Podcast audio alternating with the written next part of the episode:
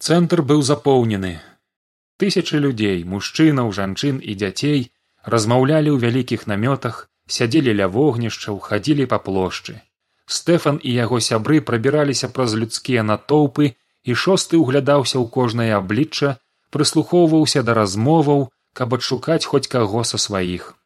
Яны знайшлі адзін незаняты намёт і стэфан пакінуўшы кіраўнікоў групаў там працягнуў пошукі ён некалькі разоў прайшоў скрозь плошчу гучала музыка дзесьці танчылі і смяяліся на сэрцы ў стэфана было трывожна ніводнага знаёмага твару Яму здалося, што адзін з вормараўскіх патрульных неяк падазрона глянуў на яго. Каб не папасціся самому стэфану прыйшлося вярнуцца ў намёт. Усё у мяне няма часу, заявіў вормар, нецярпліва ходзячы туды сюды. Я не магу больш чакаць. Крыніца вады блізка у нас пад самым носам. Заўтра святае я хачу, каб да майго выступу жывая вада была ў мяне. Ясь маўчаў вормар кінуў на яго позіркі сказаў паказваючы на рут якую таксама сюды паклікалі. Ты разумееш што я даў ёй частковую свабоду? Але магу і забраць ясь не згаджайся цвёрда прамовіла дзяўчына вормар спыніўся і паглядзеў на яся вочы ў вочы. Калід які стаяў непадалёк падціснуў вусны. Гераніму зараз вельмі кепска ў яго хворае сэрца сказаў вормар. Мы можам яму дапамагчы. Жывая вада можа яму дапамагчы ясь маўчаў. Паненка ворм развярнуўся да рут я не хацеў казаць гэта пры вас але вы самі мяне прымусілі сваімі паводзінамі. Ваш тата страціў занадта шмат крыві. Ён не дажыве да наступнага вечара. Дзяўчына ўскрыкнула і апусцілася на крэсла. Вормар зноў утаропіўся ў яся. Я дам жывой вады гераніму і бацьку рут. Я абяцаю таксама захаваць жыццё ўсім захоўнікам. Выпусціць іх канешне не магу але захаваць жыццё так. Язь павярнуўся да рут яна плакала закрыўшы твар рукамі.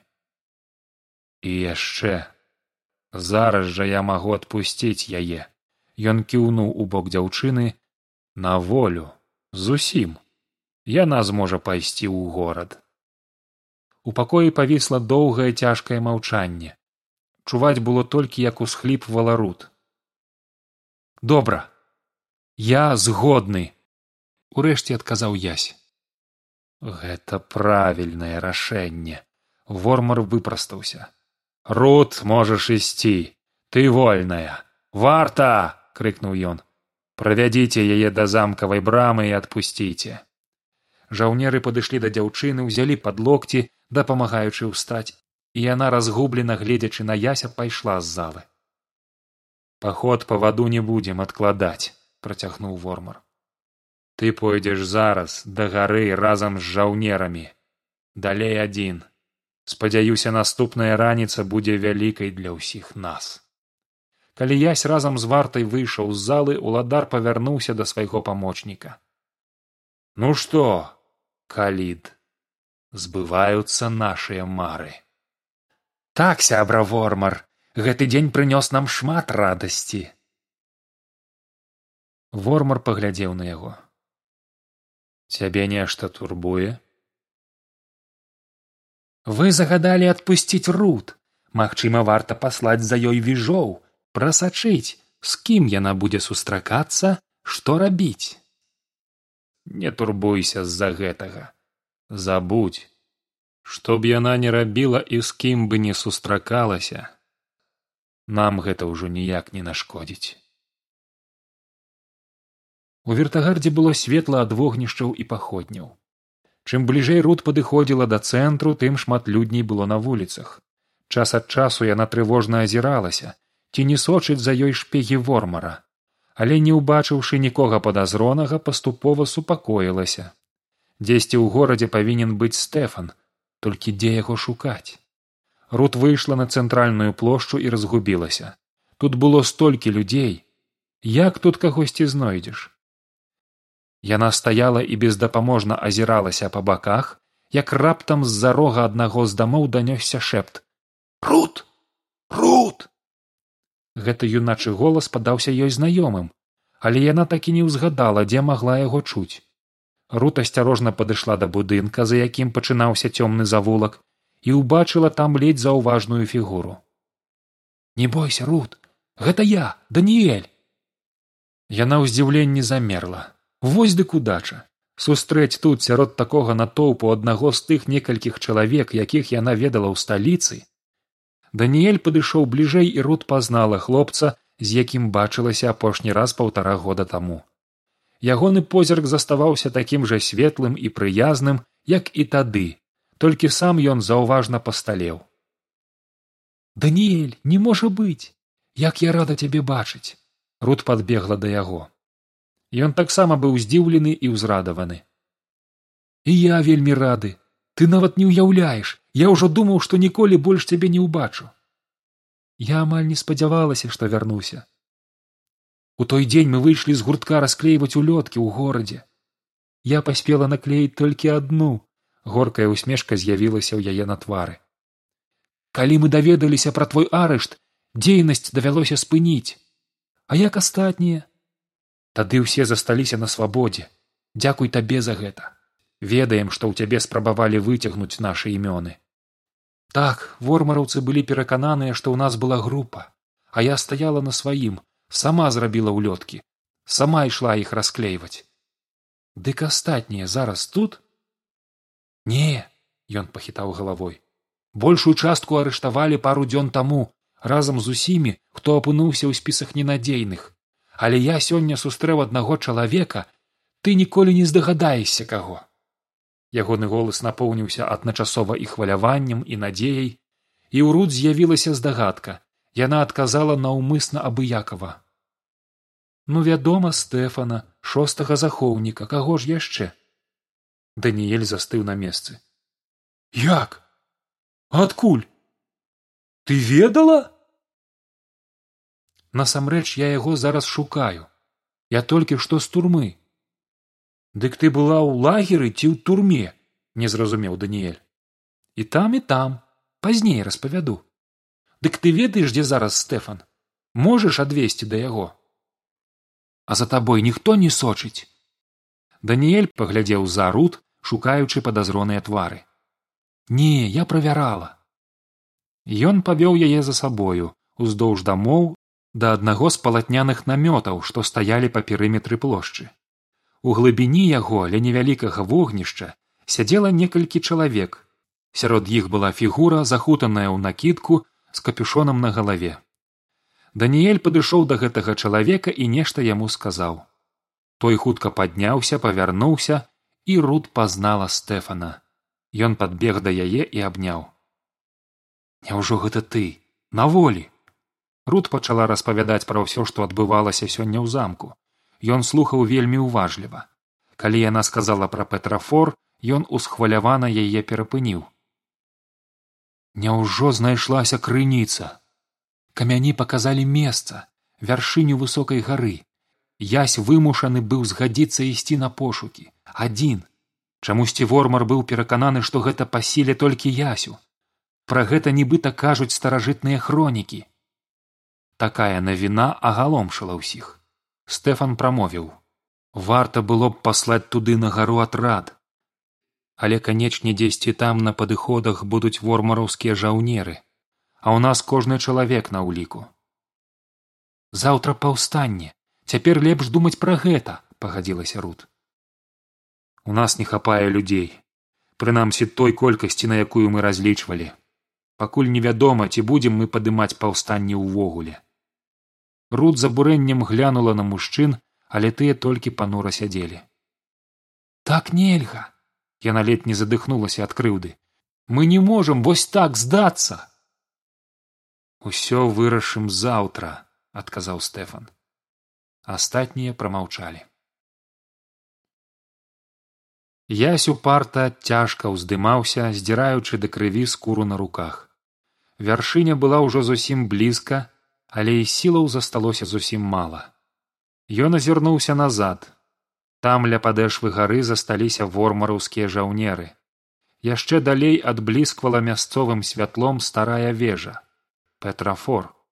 А малюсенькі квадрацік цэнтральнай плошчы зяў ад вогнішчаў. Колькі гадзінаў займаў гэты пад'ём яму было складана зразумець. Але ён усё лез падаў адпачываў зноў падымаўся ледзь трымаючыся на нагах. Апошнія метры былі найбольш цяжкімі. Скала тут стала амаль стромай. Рукі і ногі адмаўляліся трымаць ад стомленасці не хапала паветра. Вусны перасохлі і пульс грукаў у скронях заглушаючы ўсе іншыя гукі. Урэшце ён ускараскаўся на самы верх і лёг на зямлю. Ляжаў так некалькі хвілінаў часта дыхаючы перакуліўшыся на спіну і гледзячы ў яснае начное неба потым устаў Ён чакаў, што вяршыня будзе пляскатаю, але насамрэч яна лёгка заглыблялася ў цэнтры. Каб абысці гэтае ці то плато ці то стары кратар трэба было гадзіны дзве. Ён дастаў з кішэні крэсіва і прасычаную алеем тканіну, якія далі яму з сабой жаўнеры, і ў хуткім часе на гары заззяла паходня. Дзе шукаць крыніцу і як яна мусіць выглядаць, я не меў ніякага ўяўлення. Таму ён проста рушыў наперад. Крыху спусціўся і прайшоў праз нізкае сухое кустоўе. Месяц рухаўся па небе то хаваючыся ў аблоках то выплываючы з іх. Тут была поўная цішыня толькі халодны начны вецер часам шамацеў у траве. Так язь даследаваў левую і цэнтральную часткі гэтага месца пасля пачаў аглядаць правую. Крыніцы ўсё не было і ў душу яся закралася падазрэнне. А што калі яе тут увогуле няма? Справа ад сябе ён заўважыў невялікае дрэва якое расло сярод скалаў і накіраваўся туды. Ён ішоў трымаючы ў стомленай руцэ паходню і намацваючы нагамі шлях у траве і камянях. Падышоў да дрэва і ўбачыў яе крыніцу. Яна была перасохлай. У ясе не было ніякіх сумневаў. Нешта ўнутры падказвала яму што гэта і ёсць тое самае месца. Тут калісьці была тая самая жывая вада і яна выцякала з расколіны ў скалах. Под нагамі ён заўважыў старое даўно ўжо сухое рэчышча невялічкае паглыбленне ў зямлі а таксама камяні згладжаныя вадой рэчышча ішло ў заходні бок плато і гублялася ў траве Ясь нават здзівіўся, што ўспрыняў пабачанае настолькі спакойна. Цяпер яму ўжо здавалася, што так яно і павінна было стацца. Ён не ведаў, што рабіць далей і вырашыў зрабіць самае простае вогнішча, каб сагрэцца. Ён наламаў сухога кустоўя, сабраў пад засохлым дрэвам адламаныя ветрам галіны і ўжо амаль пагаслай паходняй запаліў агонь. Прысеў ля зыркага полымя і абхапіў калені рукамі. Ну што? Чаго прыйшоў?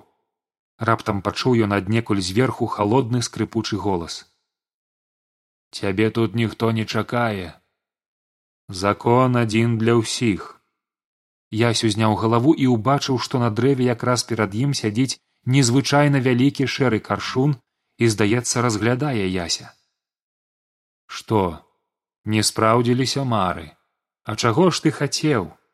Здавалася што гэта гаворыць птушка хаця ясь мог бы таксама сказаць што словы чуліся як быццам адначасова і ад каршуна і ўзнікалі ў галаве. Няўжо ты такі дурань што палез сюды? Ты хто? Дзе ты? Ясю стала зусім не па сабе я паўсюль дзе толькі атрымліваю магчымасць быць. А што з жывой вадой? Дзе яна? Вадой! Зашумелі навокал непрыемныя галасы. Калі б пацукі ўмелі размаўляць то здалося ясю яны б гаварылі менавіта так. Дзе яна? Жывой? Жывы? Ты хутка памрэш! І ў гэты ж час загучала музыка тая якую ён чуў у пустэльні Ясь спалохана азіраўся, спрабуючы разабрацца, адкуль даносіцца тая мелодыя. Але нідзе нікога не было, толькі на дрэве ўсё гэтак жа сядзела птушка і разглядала хлопца. музыка што была спачатку ціхай рабілася ўсё галаснейшай ён з усіх ног кінуўся прэч кудысьці праз кустоўе заціснуўшы вушы рукамі толькі каб нічога не чуць і раптам убачыў далей наперадзе цьмяна знаёмую постаць чалавека не бойся іх сказаў той. Язь пазнаў ягоны голас і прыгледзеўшыся ўбачыў што перад ім стаіць памочнік пастуха з якім ён размаўляў уначы ля вогнішча два дні таму на пляскатых гарах. Толькі цяпер ён выглядаў неяк крыху па іншаму чымсьці адрозніваўся ад звычайнага чалавека. Язь гэта адчуваў але не мог зразумець чым. Вы тут толькі і мог вымавіць язь але як? Мы мусім ісці назад да месца крыніцы. Не бойся мы пойдзем з табою. Вы? Так паглядзі. Язь прыгледзеўся і замёр. Па целе прабеглі дрыжыкі. За чалавекам стаялі тры дзівосныя істоты. Адна з іх была падобная да льва. Гэта быў не леў але язь не змог больш ні з кім яго параўнаць. Другая чымсьці нагадвала быка хаця гэта таксама не быў бык. А трэцяя была як арол і сядзела ў быка на хрыбце. Паветра вакол іх чатырох як быццам бы трапятала. Агідная музыка перастала гучаць увушу язь сабраўся з сіламі і павярнуў назад. Ногі не хацелі слухацца але ён упарта крочыў да засохлай крыніцы вось і дрэва. Вы ведаеце закон зноў данёсся паскудны голас і каршун павярнуў галаву да яся і істотаў. Язь пабачыў што цемра вакол птушкі пачала гусцець аж пакуль не стала разыходзіцца ад каршуна чорнымі заўважнымі нават уначы промнямі. Мы ведаем што знайсці крыніцу можа толькі дасканалы які з годнасцю прайшоў увесь шлях адказаў той што быў падобны да чалавека і што вы можете сказаць? Гэты хлопец тут ужо шэсць дзён і ці было ў ім штосьці добрае? Было. Усе гэта бачылі. Ты не можаш гэтага адмаўляць. Але вы яму дапамагалі запярэчыў голас і каршун паглядзеў на арла. У чырвонай рудзе ты дапамог яму бачыць дарогу ўначы. Ад мяне мала што залежала адказаў арол галоўнае што ў яго знайшлася вера. Каб адважыцца на такі бег яму трэба было паверыць што гэта магчыма. Каршун быццам не чуючы адказу працягваў павярнуўшы цяпер дзюбу да льва. Ты дапамог у лагеры калі быў гром. Ты на гэтых словах каршун зірнуў на быка падчас выхаду з пустэльні. А ты злая птушка глянула ў бок таго хто быў падобны на чалавека дапамог яму ноччу на пляскатых гарах. Гэта несправядліва. Ці табе разважаць пра справядлівасць? Гнеўна адказаў падобны да чалавека. Калі дзіця вучыцца хадзіць яму дапамагаюць зрабіць першыя крокі. Але кожны чалавек сам адказны за тое каб прайсці свой шлях. Так ці інакш ён не аказаўся вартым не здолеў зларадна сказаў каршун. Напрыклад ён паддаваўся страху. Нагадаць пра чырвоную руду як ён пастаянна расплюшчваў вочы калі бегу цемры. Тады ўзгадай ягоны другі дзень у эферыі ён ахвяраваў сабою згадзіўшыся пайсці ў лагер каб вызваліць іншых сказаў падобны да чалавека. Але ў ім быў і эгаізм ён не паслухаў стэфана ў сонечнай траве і з за гэтага выдаў іх месца жаўнерам. Ён не цураўся працы. На трэці дзень ён знясілены пераходам праз пустэльню больш за ўсіх працаваў рыхтуючы сяброў да ад'езду. Але якраз у пустэльні нам так лёгка ўдалося павярнуць яго назад у лагер нашэптваючы пра адпачынак. Ён быў чалавекам надзеі. Ці памятаеш чацвёрты дзень калі стэфан зноў прапанаваў яму ісці да гераніма і тады ясь адказаў што спадзяецца знайсці жывую ваду. Ці не той гэта дзень калі ён вырашыў што справы ў эферыі яго не тычаць? Учора ён праявіў сапраўдную любоў да бліжніх калі пайшоў за дозвамі ў горад. Замест сваіх сяброў. Але учора ў яго сэрцы віравала нянавісць. Ён нават быў гатовы пакінуць рут адну і не выканаць загад шостага толькі каб адпомсціць феліксу ён паказаў прыклад пакоры калі згадзіўся ісці сюды для збаўлення іншых ён паказаў прыклад пыхі калі згадзіўся ісці сюды думаючы што ён варты таго каб знайсці крыніцу. Вельмі выразна так што захапіла дух ад гэтага адкрыцця язь зразумеў што ўсё справядліва. Я недастойны прашаптаў ён. Так недастойны пацвердзіў зласлівы голас і каршун пераляцеў на суседнюю галіну бліжэй да яся. Усяму гэтаму было не запярэчыць не апраўдацца немагчыма было прывесці доказаў сваёй рацыі. Ён не герой. Ясь разумеў што ў гэтым праўда. Спяшайся цяпер голас гучаў здзекліва.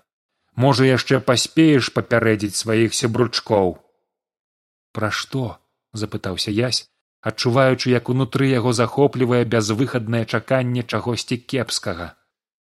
Ты не здагадваешся для чаго стэфану далі збегчы з замка? Каршун саскочыў на галіну ўніз. Ну добра скажу. Вормару трэба каб стэфан прывёў усіх сваіх людзей на плошчу.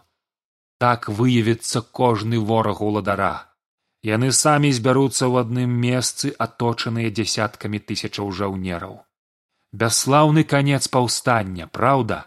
І недарэчны нават шкада з вамі было пацешна змагацца. Але вы прайгралі. Ты прайграў! Шэры каршун залопаў крыламі і паляцеў кудысьці ў цемру. Леў бык арол і чалавек развярнуліся і зніклі ясь разумеў што трэба бегчы ўніз шукаць стэфана каб папярэдзіць яго пра задуму вормара але ў яго не было ўжо ні сілаў ні веры ў тое што гэта нешта зменіць. Ён сеў ля рэштка ў вогнішча гледзячы на агонь не заўважыўшы як па шчацэ прабегла сляза. Галіны дагаралі ператвараючыся ў попел. Урэшце агонь згас